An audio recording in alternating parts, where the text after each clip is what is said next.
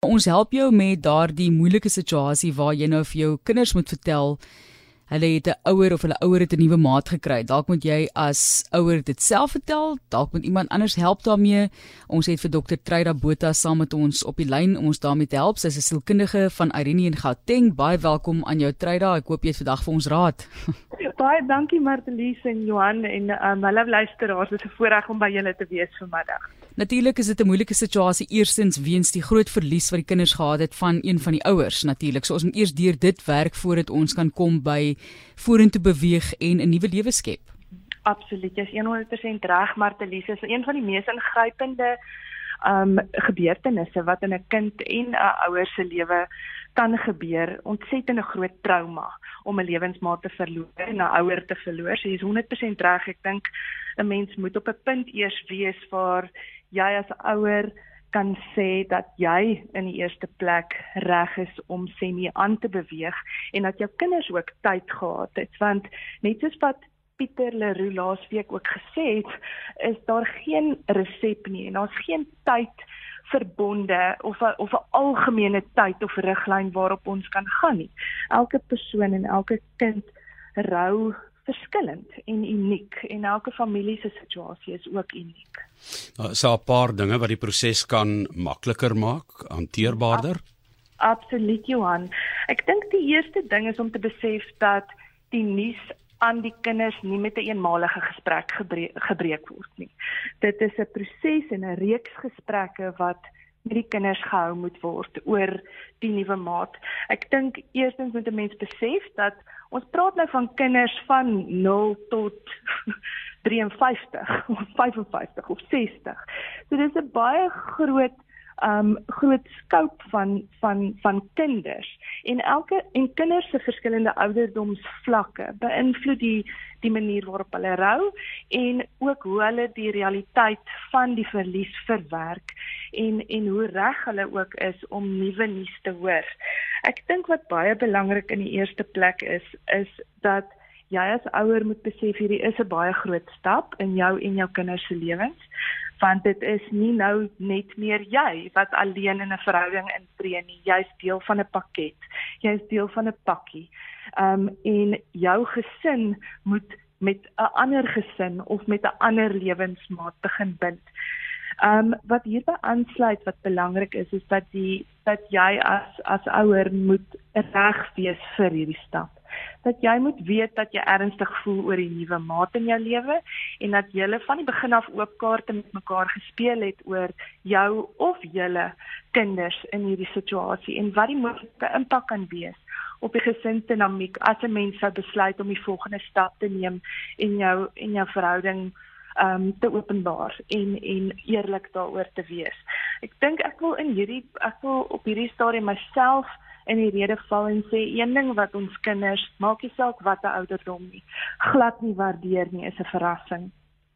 Byvoorbeeld om 'n nuwe lewensmaat saam te bring na 'n familiegeleentheid toe, um en voor te stel as hierdie is my nuwe vriendin of my nuwe kerel. Kinders het voorspelbaarheid nodig, maak nie saak hoe oud hulle is nie.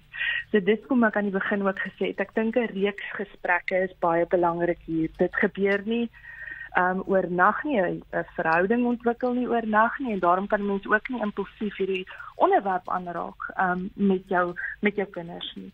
Um ek dink ek dink ook 'n mens moet respek hê vir jou kinders se gevoelens en opinies. Jonger kinders voel baie kere dat hulle um dat hulle ook nou 'n ouer weer gaan verloor. Um en hulle is onseker oor wat dan voorlê um, omdat daar omdat hulle nie nie weet nie. Daar's nie voorspelbaarheid nie en ook mag hulle moontlik bang wees om weer 'n ouer te verloor aan die dood. Um nie eers te praat van 'n verhouding wat moontlik nie uitwerk nie.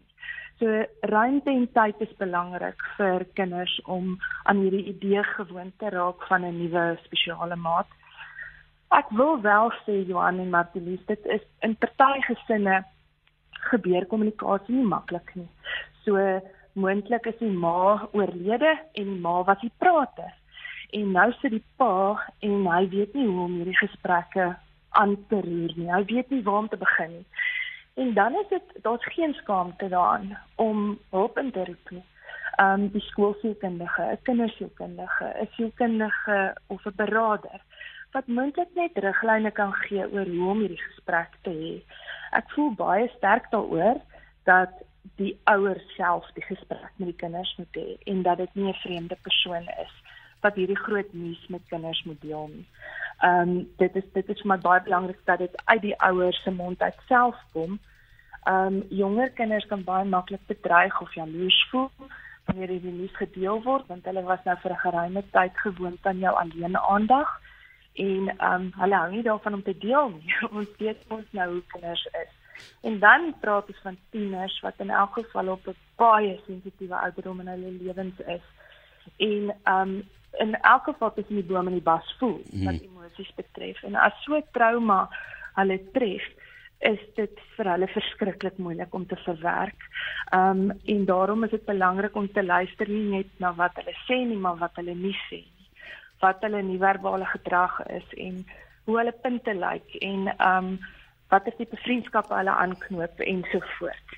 Ehm um, so ek dink dit is 'n paar beantwoord ek redelik julle vrae. Ek dink so Truida, dis nou Truida Botha sielkundige van Rini in Gauteng.